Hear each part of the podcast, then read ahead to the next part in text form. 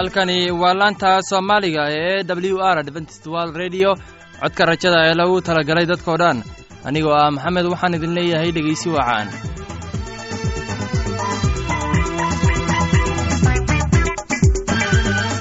barnaamijyadeena maanta waa laba qaybood. Qaybta koowaad waxaad ku maqli doontaan barnaamijka nolosha qoyska. Uu soo jeedinaya dalmar kadib waxaa inoo raacaya cashar inaga imanaya bugga nolosha uu inoo soo jeedinaya cabdulaahi labadaasi barnaamij ee xiisaha leh waxaa inoo dheeraysa daabacsan oo aynu idiin soo xunnay kuwaas aynu filayno inaad ka heli doontaan. Dhegaystayaasheenna qiimaha iyo qadradda lahow waxaynu kaa codsanayna inaad barnaamijkeena si aboon u dhegaysataan. Haddii aad wax su'aalaha qabto ama aad haysid wax tala ama tusaale fadan inala soo xiriir dib ayaynu kaga sheegi doonaa ciwaankeenna bal intaanan u gudagelin barnaamijyadeena xiisaha leh waxaad marka hore ku soo dhowaataan. Heestan daabacsan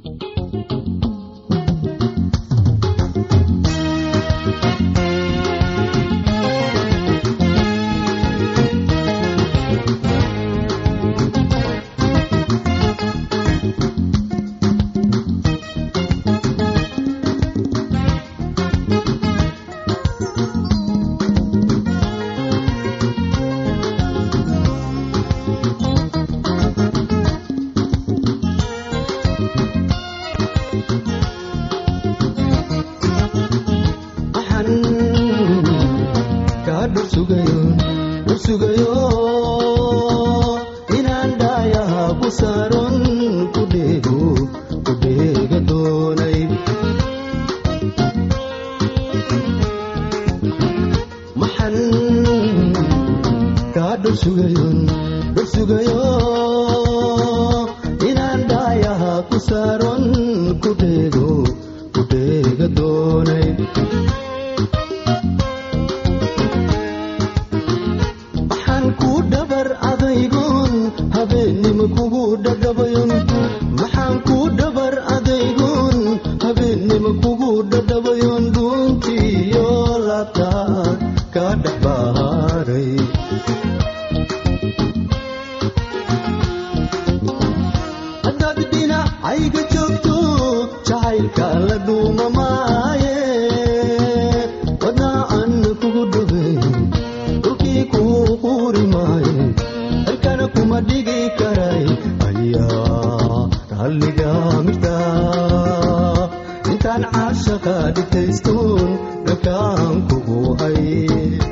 barnaamijkeena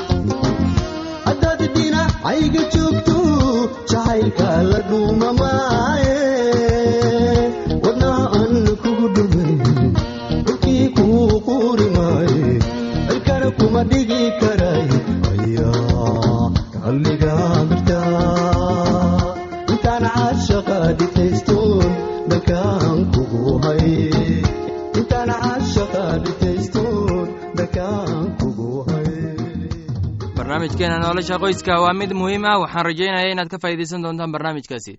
Barnaamijku wuxuu ka hadli doonaa sida ay carruurta u saamayso dagaalka. Waxaana inoo soo jeedinaya dalmar ee dhegaysi wanaagsan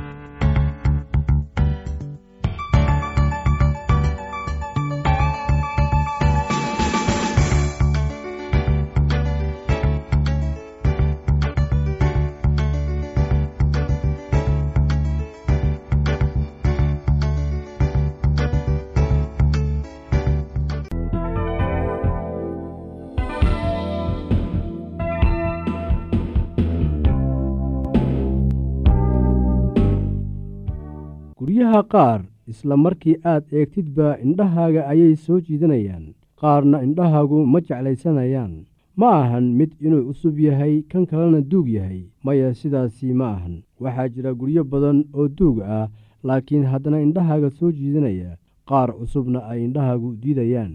Waxaad isweydiisaa maxaa keenay kala duwanaanshahaas? Taasi waxa ay ku xidhan tahay qofka dooqiisa waxa uu doorbidayo waxa uu jecel yahay iyo waxa uusan jeclayn. In aad gurigaaga wanaajiso oo aad qurxiso macnaheedu ma ahan in aad isticmaashid lacag badan.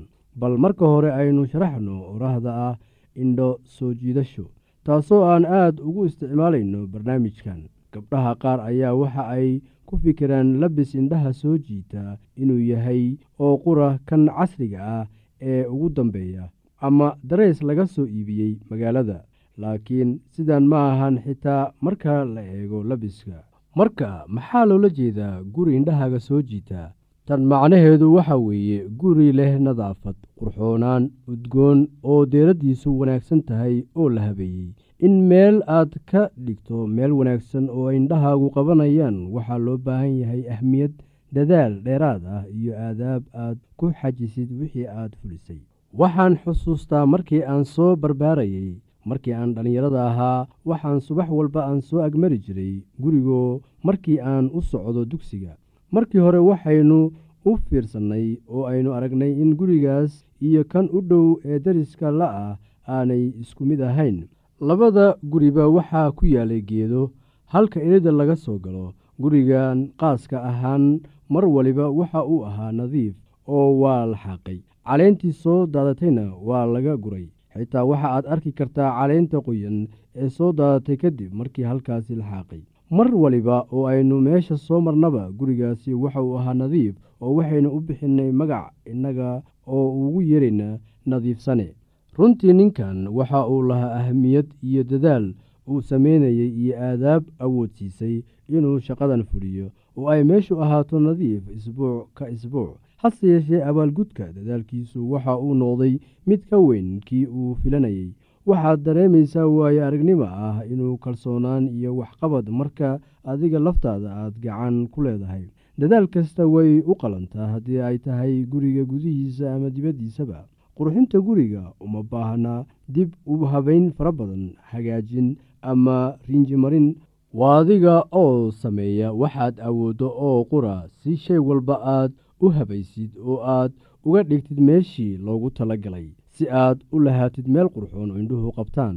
Waa in shay waliba lahaada meel marka reer ku bogo ama dhammeeyo inuu isticmaalo shay. Waa inuu lahaadaa meel la dhigo. Wax waliba waa inay meel lahaadaan sida saabuunta koobabka saxamada buugta kabaha dharka kuraasta miiska shukumaanada iyo shanlada. Lama dhigin iyaga meeshii ugu dhow ee guriga ee laga heli karo macnaha lagala jeedo ayaa waxay tahay inay wax waliba habaysnaadaan. Waxaa kale oo loola jeedaa in shay waliba aanad ku tuurin meeshii aad doonto ee guriga ka mid ah. Miiska buwaagta la saaro waxaa yaalla buwaag la habeeyey. Haddii aad geshid kushiinka waxaad arkaysaa maacuun la nadiifiyey oo si wanaagsan loo habeeyey.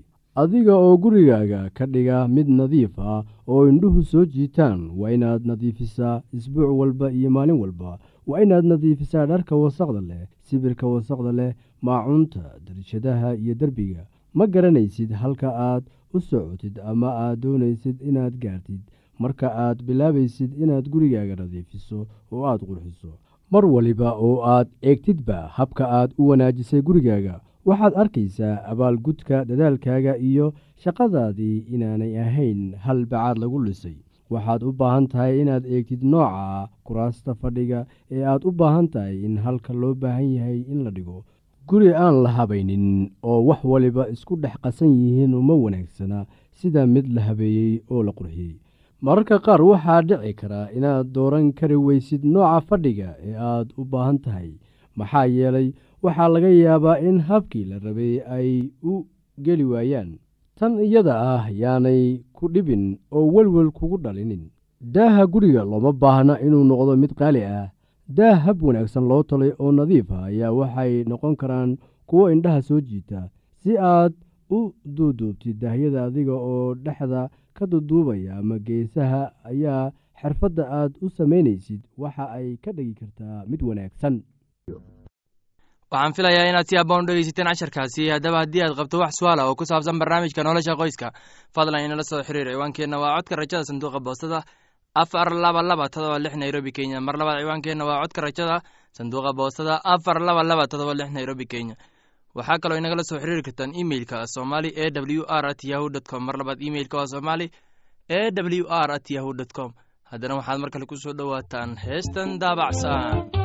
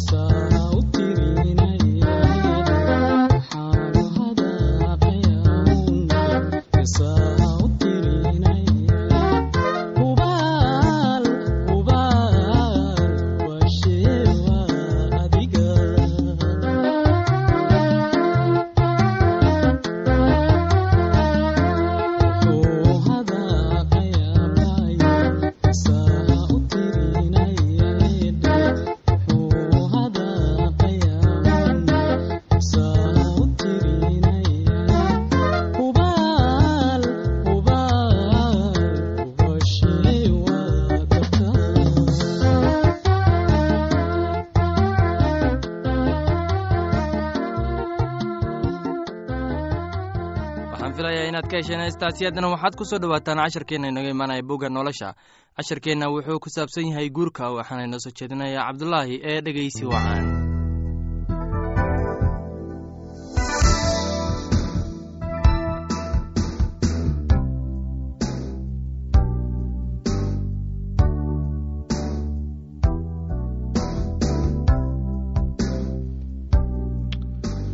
dhegaystayaal waxaynu dhexda kaga sii jirnay wax ku saabsan xagga bikradooyinka iyo guurka. Amar bikradaha ku saabsan kama haysto xagga rabbiga laakiin waxaan kula talinayaa sida mid rabbiga naxariis ka helay inuu aamin ahaado. Sidaa daraaddeed waxay ila tahay dhibta haatan joogta aawadeed inay u ron tahay nin inuu sii ahaado siduu yahay. Miyaad naag ku xihan tahay. Ha doonin inaad ka furnaato miyaad naag ka furan tahay. Ha doonin naag laakiin haddaad guursatid ma aad dembaabin bikradduna hadday guursato ma ay dembaabin laakiin kuwaas oo kale xagga jidhka dhib bay ka heli doonaan. Laakiin dhibtaasaan idinka celin lahaa. Laakiin waxaan leeyahay walaalayaalow wakhtiga waa la soo gaabiyey. Hadda kadib kuwa naagaha qabaa ha ahaadeen sidii iyagoo aan qabin oo kuwa ooyaana sidii iyagoo aan ooyin kuwa farxaana sidii iyagoo aan farxin kuwa wax iibsadaana sidii iyagoo aan waxba lahayn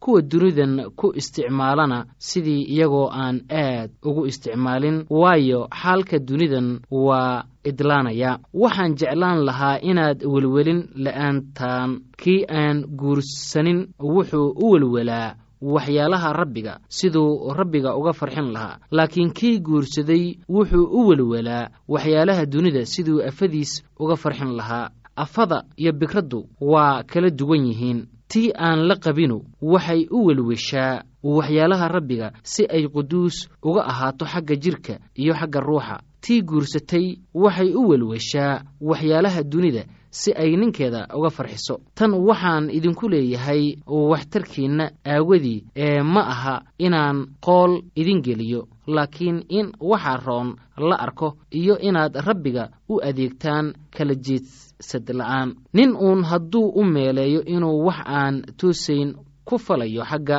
bikraddiisa hadday wakhtigii dhallinyaronimadeedii dhaafto oo sidaas loo baahnaado ha sameeyo wuxuu dooni lahaa. Dembaabi maayo ee ha guursadeen. Kii qalbigiisa ka adkaysta isagoo aan la qasbin laakiin nafsaddiisa u taliya uuna qalbigiisa ka goostay inuu bikraddiisa iska sii hayo si wanaagsan buu falaa sidaasna kii bikraddiisa u guuriyaa si wanaagsan ayuu falaa iyo kii bikraddiisa aan u guurinin si ka wanaagsan ayuu falaa. Naag waxay ku xidhan tahay ninkeeda intuu nool yahay laakiin haddii ninku dhinto waa xor inay guursato kay doonto laakiin xagga rabbiga oo keliya. Laakiin way ka sii faraxsanaan lahayd hadday iska joogto siday aniga ila tahay oo anigu waxaan u malaynayaa inaan ruuxa ilaah leeyahay. Bal haddana aynu egno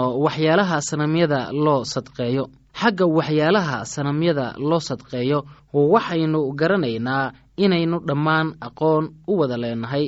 Aqoontu way kibrisaa jacaylkuse wax buu dhisaa. Qof uuni hadduu u malaynayo inuu wax garanayo weli garan maayo siduu u garan lahaa laakiin qof uuni hadduu ilaah jecel yahay ilaah baa garanaya isaga.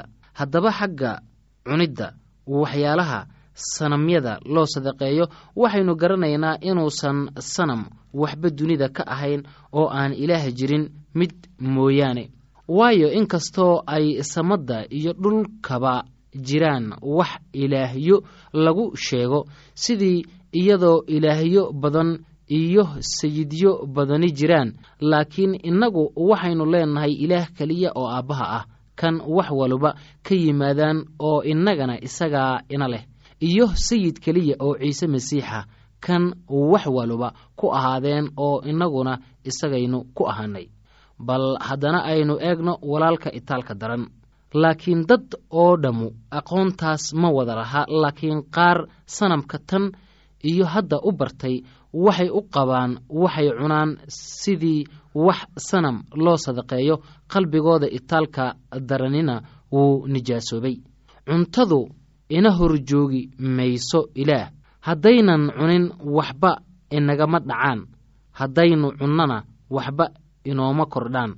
Laakiin iska dhowra si aan ikhtiyaarkiinnu wax lagu turunturoodo ugu noqon kuwa itaalka daran haddii qof ku arko adigoo aqoonta leh oo cunto ugu fadhiya meeshii sanamyada hadduu qalbiga ka itaal daran yahay qalbigiisu miyaanu ku adkaanaynin inuu cuno waxa sanamyada loo sadaqeeyo.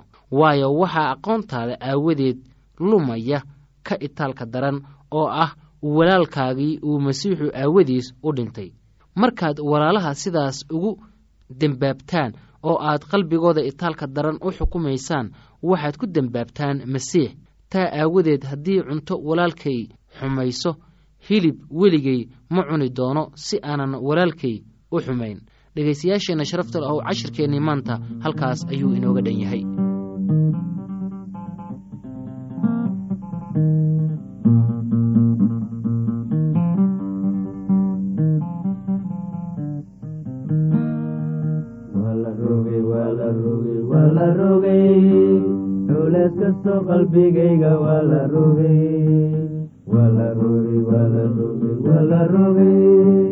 culees kastoo qalbigayga waa la rogay dembigayga oo dhan digaciise hoostiisa waa la rogay waa la rogay waa la rogay culees kastoo qalbigayga waa la rogay waa la duubay waa la duubay waa la duubay culees kastoo qalbigayga waa la duubay waa la duubay waa la duubay waa la duubay culees kastoo qalbigayga waa la duubay dembigayga oo dhan digaciisa hoostiisa waa la duubay waa la duubay waa la duubay laanta soomaaliga ee w r waxay sii daysaa barnaamijyo kala duwan waxaana ka mid ah barnaamij ku saabsan kitaabka quduuska oo aan mar weliba sheegno. Oo ay weheliyaan barnaamijyo isugu jira caafimaad heeso nolosha qoyska iyo barnaamijyo kale oo aad u fara badan casharkaasi inaga yimid bugga nolosha ayaynu ku soo gogweyneynaa barnaamijyadeena maanta. Halkaad inagala socoteen waa laanta afka soomaaliga ee codka rajada ee lagu talagalay dadkao dhan. Haddaba haddii aad doonayso inaad wax ku korsato barnaamijka caafimaadka barnaamijka nolosha qoyska ama aad doonayso inaad wax ka barato bugga nolosha fadlan in la soo xiriir. Ciwaankeenna waa codka rajada sanduuqa boostada afar laba laba todoba lix nairobi kenya. Mar labaad ciwaankeenna waa codka rajada sanduuqa boostada afar laba laba todoba lix nairobi kenya. Waxaa kaloo inagala soo xiriiri kartaan emeilka somali e w r at yahu dt com. Mar labaad emeilka waa somali e w r at yahu dt com. Dhegeystayaasheena qiimaha iyo khadradda lahow meel kasta aad joogtaan. Intaan markaad hawada dib ugu kulmayno anigoo ah maxamed waxaan idin leeyahay sidaas iyo nabadgelyo